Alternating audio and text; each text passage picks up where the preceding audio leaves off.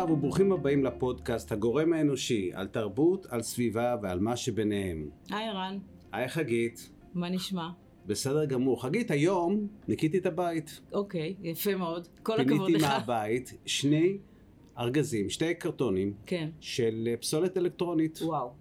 ועוד אה, שלושה, שתיים וחצי קרטונים נשארו בבית שאני לא יודע מה לעשות איתם. זאת אומרת, מה אתה אומר? יש לי בבית ארבעה וחצי קרטונים של פסולת אל- אלקטרונית. אוקיי, ככה שזה איכשהו יצא בדיוק מתאים לנושא הפודקאסט שלנו. נכון. שמדבר על אה, פסולת אלקטרונית. נכון, וזה די מדהים שאתה ערן הסביבתן. יש ערן כל כך האלכס סביבתן, כן? יש לה כל כך הרבה מכשירים מייצר בבית. כל כך הרבה, כל כן, כך הרבה פסולת אלקטרונית. רגע, ומה עשית עם זה בסוף? למזלי יש לי מתקן לאיסוף אה, פסולת אלקטרונית אה, ליד הבית, אז לקחתי אוקיי. שני ארגזים בחום, והלכתי במשך אה, שש דקות עד למתקן, כן, ואחרי זה את הקרטונים עצמם. שמתי במחזור ליד הסופרמרקט. כל הכבוד, אבל אין הרבה, אין הרבה מרכזים, בניגוד לאריזות שיש באמת בהרבה פחים הכתומים, אין הרבה מקומות לאיסוף פסולת אלקטרונית וחבל. נכון. אה, לא רק שאין, אני גם לא בטוח שהמחזור שלהם זה הפתרון, אבל נכון. כדאי באמת שעל זה נדבר במפגש. בדיוק. אבל אני חושב שהבעיה היא אחרת, הבעיה שאנחנו חיים בקצב שמאלץ אותנו או, או עוזר לנו, אה, הקצב הזה לייצר ולהחליף ולשדרג, וזה לא רק בטלפונים. סלולריים, זה בעוד הרבה הרבה מכשירים אחרים. נכון. אנחנו מוקפים מכשירים ומשדרגים ומשנים ומתעדכנים, ואני לא מצליח ואין להבין לזה סוף. למה יש לי בקרטונים אוזניות בכמויות כאלה, נכון. וטלפונים, נכון. וכבלים. מחשבים אולי. אני כל מיני מכשירים שהיום אני כבר לא יודע לזהות אותו, אפ- אפילו היה שם איזה מכשיר שקוראים לו פלם, פעם היה מכשיר כזה, כן? שמה, אה, איזה מכשיר? פלם כזה שכמו, אה, כן, היה משהו מחשב כף כזה, יד, נכון. כל מיני דברים כאלה. אמ, אבל כנראה שהמכשירים האלה הופכים לנו את החיים לקלים יותר וטובים יותר. או שהם משכנעים אותנו שזה ככה. כן, אבל זה מה שאנחנו עושים, אנחנו בגדול אנחנו קונים מכשירים כאלה וזורקים, כן. לא רק בגדים ולא רק אוכל, אלא גם מכשירי חשמל. כאן באולפן ערן בן ימיני, וחגית גרובגלס. נתחיל. טוב, ערן, האמת שבואו נבדוק רגע מה בכלל הבעיה עם זה שאנחנו זורקים כל כך מכשירי חשמל. מה הסיפור, למה, למי ולמה זה מפריע? טוב, אחד האנשים שטוען שזאת בעיה אמיתית זה עמיעד לפידות. עמיעד הוא ראש התחום פסולת וקיימות באדם טבע ודין. הוא מחבר הספר "התפוח נפל רחוק מהעץ". שלום עמיעד, שלום, שלום לכם. היי עמיעד. מה שלומך? אה, בימים אלה אומרים הכל דבש, נוזלי ודביק. כן, בדיוק, מצוין. אז אה, כמה בכלל אה, פסולת אלקטרונית יש לנו בארץ? כמה אנחנו מייצרים בשנה? כמה השפעה אנחנו מייצרים? אה, יש כמה השפעה אנחנו מייצרים וכמה אה, מתוך זה זה פסולת אלקטרונית. כן, השפעה כמה- אנחנו מייצרים בערך חמישה נקודה, פסולת ביתית, מוניציפלית, חמש נקודה, חמישה נקודה שישה מיליון טון בשנה. או, וואו. מתוך זה, בסך הכל, 150 אלף טון בערך זה פסולת אלקטרונית. אוקיי, עכשיו, הרוב תגידו, זה מאוד קצת, למה חשוב כן. להתעסק עם זה? מהמם. נכון. אז uh, הפסולת האלקטרונית היא טומנת בחובה הרבה מאוד פוטנציאל זיהום אדיר לסביבה שלנו. סוללה קטנה של, uh, uh, של שעון, למשל, עגולה כזאת שטוחה, כן, היא יכולה לזהם מיליון קוב מים. סתם דוגמה, אם למישהו נפל השעון בכנרת, זאת יכולה להיות המשמעות, היא מכילה אה, כספית בפנים, ניקל קדמיום, מתכות כאלה שכשהן מגיעות למי השתייה שלנו למשל, כן. אז זה עושה נזק אדיר לסביבה שלנו. שתבינו שמיליון קוב מים זה בערך סנטימטר בכנרת. וואו, וואו. זה המון. זה המון מים. זה המון מים, וזה הכל מבטריה אחת קטנה, סוללה אחת קטנה של שם. סוללה אחת כזאת קטנה, תמימה, עושה, פוטנציאל הנזק שלה הוא אדיר. ולכן הפסולת האלקטרונית זה זה לא רק סוללות, אה, אה, מכשירים חשמליים שיש בתוכם אה, רכיבים אה, אה, אלקטרונים למיניהם, אה, שבתוך הרכיבים האלה יש מתכות מזהב ועד אה, כספית. אה, ועוד אה, מגוון רחב מאוד. המתכות האלה ברגע שהן אה, מגיעות אה, לסביבה אה, לחה, אה, רטובה, הן מתחילות להתפורר. שזה ו- הסביבה, הסביבה הלכה והרטובה זה בעצם קורה כשזה נזרק יחד עם אשפה ביתית. כשזה... כשזה נשפך עם השפעה ביתית זה אחד הדברים. כן, כשזה נזרק סתם בטבע, זה אחד הדברים. כן. ועוד תופעה שמתרחשת זה שבגלל שיש מתכות יקרות בתוך המוצרים האלה, ובגלל שיש המון פלסטיק בתוך המוצרים האלה, שהפלסטיק הוא פחות אה, דרוש, אבל המתכות מאוד מאוד יקרות, כן. אה, רק כדי להסביר כמה המתכות האלה יקרות, לא מזמן הסתיימה אולימפיאדת אה, טוקיו. כן. והיפנים הם אלופים במחזור ובהנצלה של פסולת, ומה שכל המדליות היו מצופות ב- אה, בעצם עשויות משאריות של מתכות שהם חילצו מפסולת אלקטרונית. וואו. המדליות זהב, כסף, ארד, זה הכל מתכות שהם הצילו מפסולת אלקטרונית ומזה עשו את המדליות של האולימפיאדה. זאת יש, אומרת, יש בזה לא- אמירה. יש בזה אמירה, והנה ישראל הביאה כמה מדליות, בואו נבדוק שבאמת זה ממתכת למוכר. כן, כן, זו הסיבה שזכינו. זאת הסיבה שזכינו. בדיוק, כי זה ממוחזר. יפה מאוד. אז אתה אומר, המדליות באמת, אתה אומר, זה היה איזושהי אמירה של, ממשלת יפן סביב הסיפור הזה של המדליות הממוחזרות? כן, כן, זה מסר. התכוונות מלאה, שכן, אנחנו רוצים לשמור על הסביבה, וזו אחת הדרכים שלנו. מהמם. אז תראה, אה, אז בכל אופן, התחלתי רק להגיד איך הגענו לא- לאולימפיאדה, כי דיברנו על החשיבות של המתכות שיש בתוך המוצרי פלסטיק השונים. אז מה קורה? מה עושים אה, אנשים שרוצים לאסוף את המתכות האלה, אבל הם רוצים, אה, אין את הסבלנות להתחיל לפרק חוטי חשמל. כן. אז איך מפרקים את זה? מה שעושים, בצורה פיראטית, לא חוקית ומסוכנת מאוד לסביבה, פשוט שורפים אותם. כן. ואז הפלסטיק נמס ונשרף, ואנחנו נמצא אותו באטמוספירה שלנו ובאוויר של כל היישובים שמסביב ובריאות של התושבים שחיים מסביב, ודיוקסינים, שזה רעלנים שמסרטנים, כל זה רק בשביל שהם יוכלו לחלץ את המתכות, ולכן חשוב מאוד לטפל בפסולת הזאת בצורה מסודרת, לא לזרוק אותה סתם לפח, לא לזרוק אותה, בטח שלא סתם לזרוק אותה בחוץ, אלא לוודא מול הרשות המקומית שלנו איפה, לאן לפנות את הפסולת הזאת. יש לנו שני תאגידים שאוספים פסולת אלקטרונית בישראל, תאגיד מאי ותאגיד הקומיוניטי. אה, כל אחד פועל בגזרתו, בתחומו, וזה בסדר גמור, ו, אה, וצריך, רשות מקומית מחויבת על פי חוק לחבור לאחד משני התאגידים האלה, ולתת שירות לתושב. איסוף פסולת אלקטרונית כמו איסוף של פסולות אחרות למחזור, זה שירות לתושב, כמו חינוך, כמו רווחה, כמו תרבות. זה משהו שכל אחד מאיתנו צריך לדרוש אותו ולבקש ולקבל. יש... וה- אני, זה, זה מעניין אותי, אני כתושב, אה, אני יכול לפנות לרשות ולדעת אה, האם היא התקשרה עם אחת מהחברות הללו? כן, קודם כל אתה אה, בהחלט יכול לעשות את זה, זה אמור להופיע באתר האינטרנט של הרשות, והתאגידים האלה גם, אה, חלק- לא יודע, אחד מהם לפחות, מחזיקים, אה, אתה יכול להכניס את השם של היישוב שלך, תיכנס לאת, לאתר האינטרנט שלהם ותקיש את השם של היישוב שלך, או את ה... יש שם מפה כזאת אינטראקטיבית, שאתה, איפה אתה נמצא, ואז מסמנים לך איפה בסביבה שלך יכולים לקלוט את הפסולת האלקטרונית. איזה. איזה אחוז לדעתך מהפסולת האלקטרונית היום באמת ממוחזר בישראל, מגיע למחזור?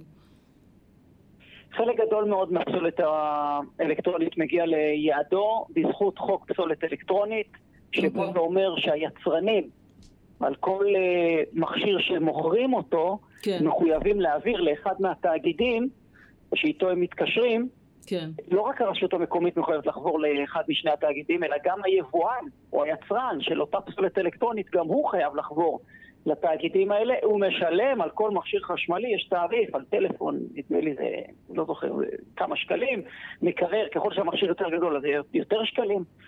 והכסף הזה עובר לתאגיד, שאיתו התאגיד בעצם יוצר את הקשר עם הרשות המקומית ומייצר את מנגנון איסוף הפסולת האלקטרונית הזאת בסופו של דבר. אני אגיד לכם למשל, אם רכשתם מכשיר אלקטרוני שמביאים לכם אותו עד הבית, אם זה מדיח כלים, תנור, אה, מזגן, אה, מיקרוגל, מה שזה לא יהיה, מקרר, הרי אף אחד לא יכול להביא מקרר בעגלה של הסופר ולדחוף אותו בבגז של האוטו או לסחוב את זה איתו באוטובוס. אז מביאים, יש משלוח עד הבית, כן. מחויבים, מי שהביא לכם את הציוד החשמלי הזה מחויב על פי חוק לקחת את המכשיר הישן. אוקיי. וזה אמור להגיע למקום מוסדר ומטופל. את זה לא ידעתי שהוא מחויב, אה, נגיד אם מביא מקרר, שהוא מחויב לפנות את המקרר הישן. חייב על פי חוק. אוקיי, זו בשורה טובה. טוב לדעת. זאת כן. אומרת שמאז שהוחל החוק יש שיפור כלשהו בהתייחסות של אה, מדינת ישראל לפסולת האלקטרונית. חד משמעית, בהחלט יש שיפור, המצב היום הרבה הרבה יותר טוב, יש עוד המון מה לשפר. כן. לא הגענו לגן העדן מהבחינה הזאת, כן, אה, ובהחלט יש מה לשפר. ברור. ופה אני רוצה להגיד את אה, כלל הזהב שנכון לכל דבר. כן, הפסולת שהכי טוב לטפל בה, או שהכי קל לטפל בה, זה הפסולת שמראש לא יוצרה. נכון. זאת אומרת, שאם אנחנו, ישראלי ממוצע מחליף אה, טלפון סלולרי אחת לשנה, לא וואו. יקרה כלום אם נחליף את הטלפון הסלולרי אחת לשנתיים או שלוש, אה, וננסה להחזיק את המכשירים האלה כמה שיותר לפני שאנחנו רצים ומחליפים בחדש. כי הכי קל זה, אה, נקנה חדש. לא, דווקא. אה, עמיעד, תודה רבה, עמיעד האיש והבשורות הטובות, תודה כן. רבה לך. תודה רבה, היה תודה מאוד רבה מעניין. לכם, שיהיה בהצלחה. תודה, כל ביי טוב. ביי. טוב, אז יש לנו פתרון, אנחנו שולחים את כל מכשירי החשמל והאלקטרוניקה למחזור, ובא לציון גואל. אנחנו נדבר עם ריקי הירשפלד, שהוא מנהל חברת זוהר שווה למחזור פסולת אלקטרונית. הוא עוסק בתחום כבר הרבה שנים, ואנחנו רוצים להבין יחד איתו קצת את התהליך. שלום ריקי, שלום וברכה, מה שלומך? בסדר גמור. אה, בתור התחלה, למי שלא יודע, איך, לאיזה סוגים אה, נחלקת הפסולת האלקטרונית? יש, זה לא כולה אותו דבר הרי, לא, לא בכולה אפשר לטפל באותה דרך. אה, כן, אבל אפשר לחלק אותה לכמה קטגוריות, אבל מבחינת איכות סביבה מתחלקת בעיקרון, יכולה, היא מתחלקת לקטגוריה של פסולת יותר מסוכנת אוקיי, ופחות מסוכנת. כמעט ואין פסולת אלקטרונית שאין בה סיכון לחלוטין. אוקיי, זה קטגוריה, זה שתי קטגוריות שמבחינת איכות סביבה. כן, מבחינות אחרות אה, מתחלק לעוד קטגוריות של פסולת שהיא כלכלית, פסולת שהיא פחות כלכלית אה, וכולי. מה זה אומר פסולת אה, כלכלית, אה, למשל, אתה יכול להסביר? כן, פסולת כלכלית זה פסולת שהמרכיבים שלה, זאת אומרת כן. התוצרים של המחזור שלה, כן, הם, הסך הכל התוצרים שווים הרבה יותר מאשר, או יותר מאשר תהליך האיסוף והמחזור. עוד אוקיי. פעם, אנחנו מדברים על, בהנחה שעושים מחזור כחוק. זאת אומרת שהמחזור בעצם אה, מחזיר את ההשקעה וגם נותן רווח למי שטרח אה, לאסוף ולשנע את זה למרכז מחזור.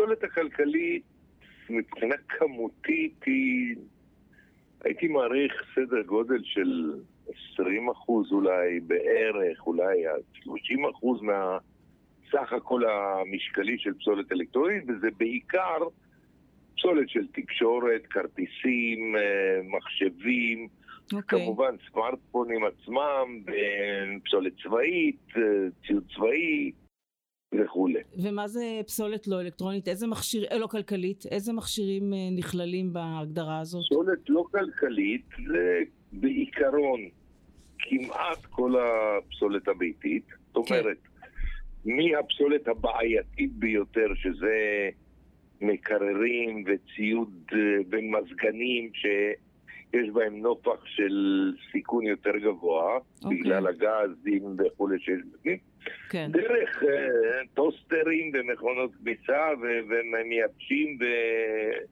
אוקיי, ולא יודע, ונטילטורים. אוקיי. Mm. בגדול המכשירים הקטנים יותר רווחיים יותר. בגדול המכשירים הקטנים יותר מה? רווחיים יותר, אני אומר, מבחינת מחזור.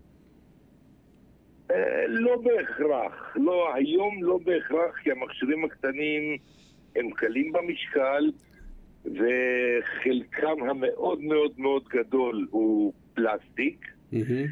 והפלסטיק הוא אחת הבעיות הגדולות ביותר בנושא המחזור כן, פסולת כן. אלקטרונית. כן, אבל המתכות היקרות שיש ב... במכשירים, איזה, איזה מתכות יש? בקבוצה הראשונה, שזה הפסולת האלקטרונית הטובה, שיש לה כוללת כרטיסים אלקטרוניים וכולי, יש בהם את ה... המרכיב העיקרי של השווי שלהם בעיקרון הוא המתכות היקרות. איזה מתכות? זהב, זהב, כסף, זהב, כסף ופלדיום בעיקרון. פלדיום. פלטינה היה פעם, כבר אין היום. אין פלטינה, אה, אוקיי, אין פלטינה, הבנתי. כבר כמעט ואי אפשר למצוא פלטינה ב- בציוד אלקטרוני. אוקיי. אלה שלושת המתכות, ואלה בעצם הם המרכיב, פלוס הנחושת נגיד, הם המרכיב העיקרי של השווי. ומה מה קורה, מה קורה עם הפסולת שבאמת לא שווה למחזר אותה, שהיא אה, הלא כלכלית. הלא כלכלית? היום, בגלל החוק פסולת אלקטרונית שנכנס לארץ, כן. שיובא מאירופה לפי הדירקטיבה האירופית לפי, לפני כחמש שנים, כן. אה, בעיקרון החוק, אה, כדי שנבין, החוק אומר שאחריות יצרן ואחריות יבואן. זאת אומרת, מי מביא את הפסולת לשוק, היצרן או היבואן, הוא אחראי לסוף החיים שלה. כן. ואם זה מבחינת, אם הפסולת היא במינוס, זאת אומרת פסולת שלא שווה למחזר, כן. הוא אחראי לשלם עבור המחזור שלה. שהמחזור שלה כולל איסוף ומחזור ו- וכל מה שדורש. ריקי, אה, אה, כמה שנים אתה עוסק בתחום, והאם אתה רואה בפרק הזמן הזה שינויים? אני בתחום 35 שנה, בתחום של פסולת אה. אלקטרונית. אני חושב שאנחנו הראשונים, שזוהר שווה, אנחנו הראשונים שהקמנו פה מפעל למחזור פסולת אלקטרונית כהלכתו. עכשיו, אני יכול להגיד לך שלפני 35 שנה שרפנו כבלים. אוקיי. כי לא היה, זה בכלל לא היה משהו לא היה אופציה. אחרת. בדיוק. לא שלא הייתה אופציה, גם לא היה, זה היה חוקי, זה היה בסדר. אוקיי. ועוד כהנה וכהנה שטויות שעשינו על הדרך. אבל לאט לאט הבנו, דרך אגב, לא רק אנחנו, זה בכל העולם. כן. וכשאני אומר העולם, אני מתכוון בעיקר אירופה, כי הם המובילים את נושא המחזור. האמריקאים הם כן. תמיד שלושה צעדים מאחורה. כן. אבל האירופאים מובילים את הנושא של הגישה של מחזור וכולי וכולי. ב-35 שנה האלה השתנה המון כמובן. השתנו סוגי הפסולת, הכמויות גדלו בצורה מאוד גדולה, כן. אבל השווי של הפסולת קטן. אם פעם היית מוציא מחשב שהיה שני סמי טריילרים וכולו מלא כרטיסים וזהב וכולי, היום אתה מוציא שלושה סמי טריילרים של מכונות כביסה. כן. ומחשב כזה של חברת חשמל או של בזק או של מה, הוא ש- שני ארונות וחצי. אז הכמויות, גד... הכמויות גדלו, אבל הערך ירד. הבנו. טוב, טוב. ריקי, תודה רבה לך על היה המידע מאוד מעניין המעניין. לדבר איתך. תודה רבה לכם. ועלו ותצליחו, והלוואי ותצליחו לשנות ולהזיז דברים. אמן. תודה רבה. יישר. כוח. ביי. ביי. טוב, אז שמענו מעמיעד שיש אה, יש דברים טובים, סך הכל, יש שיפור. כנראה שהבעיית הפסולת היא לא הבעיה העיקרית בסיפור הזה, יש עוד ועוד בעיות אחרות. בעיית המשאבים כמובן, שאנחנו צורכים הרבה מאוד משאבים בשביל כמויות הפסולת האלקטרונית, וה, ולמעשה ה, במידה מסוימת השינוע שלהם והייצור שלהם וכל הבעיות, כמו שהרבה בעיות מסביב. עכשיו גרוע מכך, למעשה זה שכן יש מחזור, זה מייצר איזושהי לגיטימציה, כן? לייצר עוד ולהשתדרג ולשכלל ולשנות וכו' וכו' וכו' וכו'. פסולת לא הבעיה היחידה, אבל היא אחת הבעיות, ש... אחת הבעיות הקשות במיוחד עם מכשירי חשמל ואלקטרוניקה. ו... והמחזור הוא לא הפתרון היחידי, כי סוג אחד של פתרון יכול להיות רגולציה בנוגע להתיישנות המתוכננת.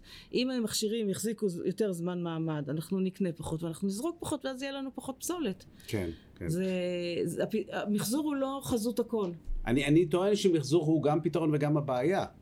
כי אוקיי. בעצם, שוב פעם, נכון. הוא מייצר את הלגיטימיות. נכון? לייצר עוד, ולעשות נכון. את כל, ובאמת אה, אה, להיכנס לתוך המרוץ הזה של ייצור עוד ושחזור ו- ו- ושדרוג ובעצם זריקת פסולת ומייצר המון בעיות אחרות שזה לא רק פסולת וזה גם לא רק המשאבים ולא רק הייצור ולא רק האנרגיה גם ההתמכרות שלנו לנוחיות של המכשירים האלה כי אני חושב שהבעיה בהתמכרות לנוחיות שזאת התמכרות אינסופית אין נכון. גבול לנוחיות נכון. וזה התמכרות תמיד אפשר לשפר ולהיות עוד יותר נוח. נכון, זו התמכרות גם לנוחיות וגם לגירוי, ואנחנו רואים איך סף הגירוי שלנו הולך ועולה נכון. ועולה ועולה, וילדים אם בעבר היו צופים ביוטיוב, עכשיו בטיק טוק, וגם טיק טוק כבר זה לא מספק בשבילם. אותם, ויש כבר דברים הרבה יותר קצרים שנעלמים כעבור כמה שניות, ובסופו של דבר זה איזשהו זץ כזה נכון. שהם יקבלו, ואולי בזה זה יגיעו לסיפוק אותם. ולנחלה. הק- הקצב הקצב הזה הוא לא רק אה, בדברים שאנחנו רואים במסכים, אלא גם בתחושה שלנו שאנחנו צריכים להחליף כל הזמן. אנחנו כל הזמן במרדף כזה שאולי שיצא משהו חדש ואנחנו צריכים להחליף אותו. אז אני חושב שאולי כדאי לנו לדבר עם פסיכולוגית על ההתמכרויות שיש לנו לגירוי ולנוחות. בהחלט. התקשרנו לאורנית ויינשטוק שהיא בעלת תואר שני בפסיכולוגיה ומומחית בטיפול בהתמכרויות כדי אה, לדבר קצת על ההשפעה של המכשירים והמסכים סביבנו. שלום אורנית. שלום. מה שלומך? טוב, תודה, מה שלומכם? בסדר גמור. Uh, בשנים האחרונות אנחנו מדברים באמת הרבה על הנושא הזה של התמכרויות למסכים. את יכולה לספר לנו קצת uh, מאיפה זה נובע? למה אנשים מתמכרים למסכים? Uh, אני חושבת שאנשים מתמכרים לכל מיני דברים, ואני יכולה לדבר על הסיבות ללמה אנשים מתמכרים באופן כללי, ולהגיד שהמסכים, שההתמכרות למסכים, אה, היא בצמיחה ובעלייה בעיקר בגלל הזמינות. אוקיי. Okay. ההתמכרות היא תמיד סימפטום למשהו אחר. עכשיו, הסימפטומים אה, הם מופיעים לפעמים אה, בכל מיני התנהגויות ובכל מיני דרכים שהן בעייתיות. אחת, אחד מהסימפטומים למצוקות רגשיות, אם זה הרבה מאוד פעמים טראומה, בעיית קשב וריכוז, דיכאונות, חרדה, אה, בעיות חברתיות. אחת מה, אחד מהביטויים המאוד נפוצים היום לבעיות האלה זה התמכרות, שהיא בשלב הראשון בעצם מביאה לאיזושהי הקלה ולאיזושהי הטבה ואולי לאיזושהי, בעצם לאיזשהו פתרון במרכאות לאותה מצוקה, ועם הזמן מה שהיה בהתחלה אה, דבר שהוא אה, לגיטימי, כי אנחנו מדברים על שלוש רמות שונות, אנחנו מדברים על ההתחלה של הדבר הזה שזה שימוש לגיטימי, כמו שכולנו משתמשים בטלפונים, במחשב, נכנסים לאימייל, להודעות, משהו קונבנציונלי כן. לגמרי. כן. אחרי זה השלב השני זה השלב שקוראים לו שימוש לרעה, זאת אומרת שאז אני כבר עושה את זה למטרה. ואז אני בעצם נעלם לי לתוך הטלפון. למשל, כשאני נמצא בסיטואציה חברתית, בתור דוגמה, וקשה לי לתקשר, אז אני פורש לי לתוך הטלפון כן. ומתעסק שם עם עצמי, אז נגיד אז המטרה היא כדי לפתור את המצוקה החברתית. עד השלב השלישי, הרמה הכי גבוהה שעליה אנחנו בעצם מדברים, שהיא התמכרות, uh, dependency, זה use, abuse, dependency, שפה כבר יש תלות. תלות, זאת כן. אומרת, אני לא יכול בלי. כן. זה כבר מנהל אותי. מה זה, עושה, מה זה עושה לנו מבחינה פיזית? אני מבינה שזה משפיע על המוח שלנו. נכון. Uh, טוב, כל החלק המדעי והחלק הביולוגי uh, הוא מאוד מורכב uh, להסביר אותו, ברור. בטח בזמן כל כך קצר. אני יכולה להגיד שבכלל, בכלל, התמכרות היא תופעה ביו-פסיכו-סוציאלית. זאת אומרת, יש את החלק הביולוגי, כן, פיזיולוגי. הפיזי, כן. יש, יש את החלק הפסיכולוגי, שזה החלק היותר...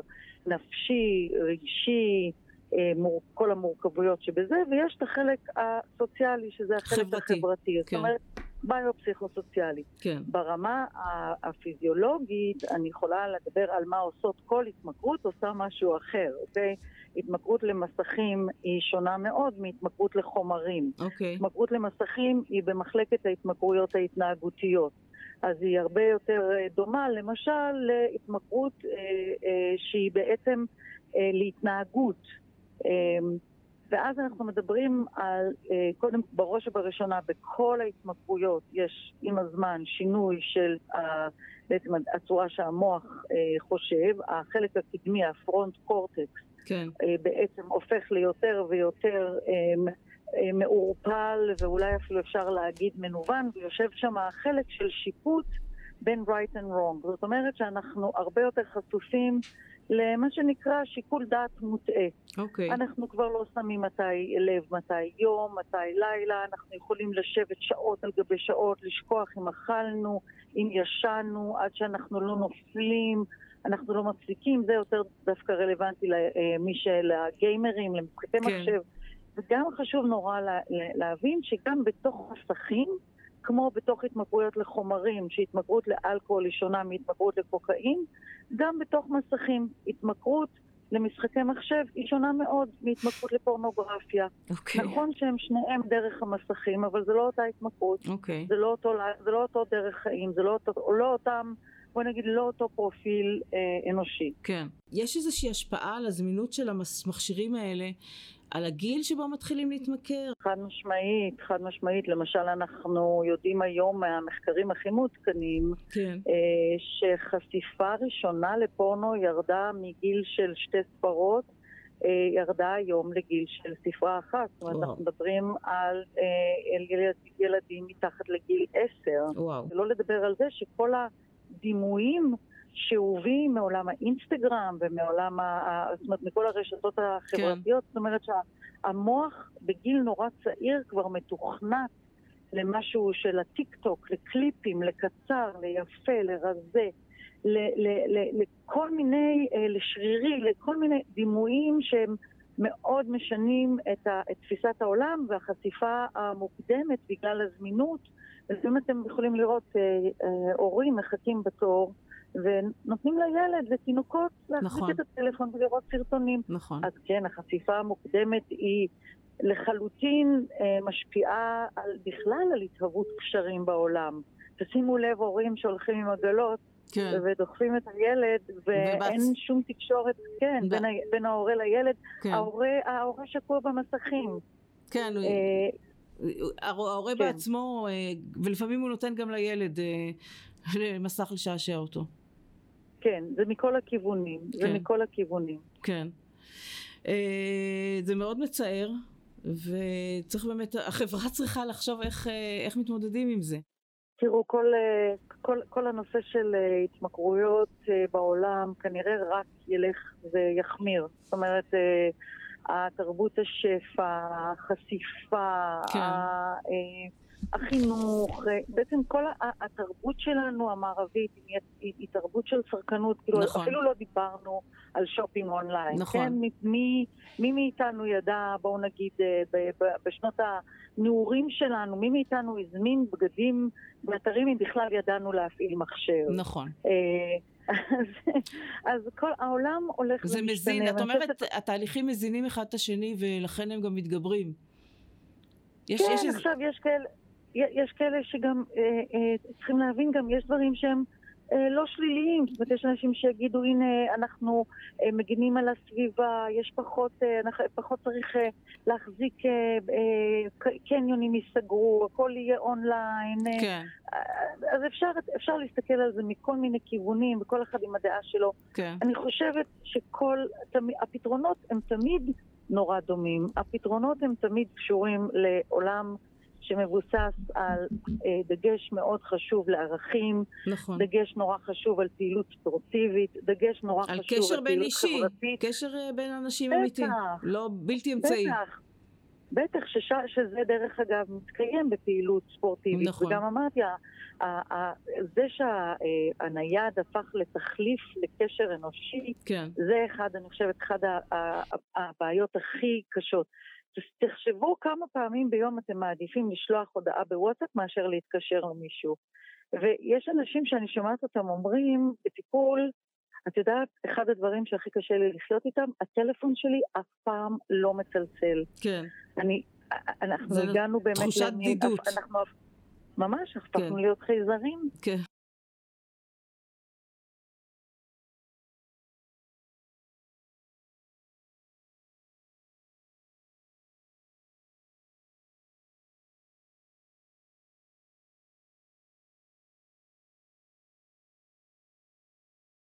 עיניים, ואנחנו לא אומרים, וואלה, אני לא יודע, כי כלומר, אנחנו אנחנו... יודעים הכל. כן, אנחנו צריכים uh, לחשוב על פתרונות מחוץ לקופסה.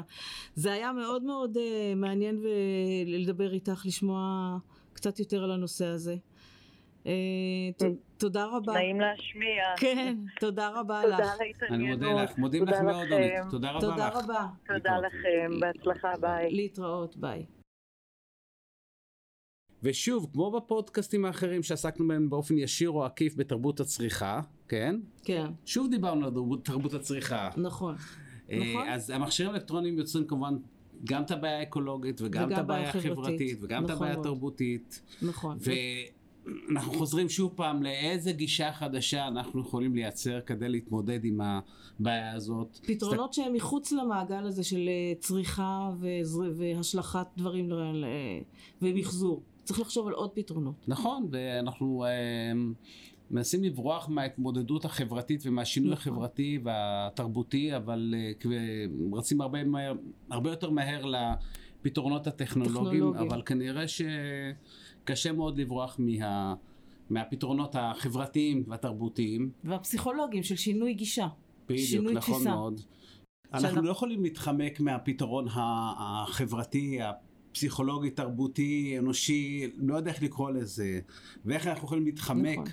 מהתלות הזאת שאנחנו מייצרים יותר ויותר במכשירים האלקטרוניים שסובבים אותנו ומנהלים אותנו, לא אנחנו רק מנהלים אותם, הם מנהלים אותנו, לגמרי. הם מגרים אותנו, הם, לגמרי. הם, הם מייצרים לנו חברה אחרת, אנושות אחרת, תקשורת אחרת. ולכן צריך באמת אה, לחשוב על דברים, איך לחזור קצת אחורה לקהילתיות, לקשרים בין אנשים.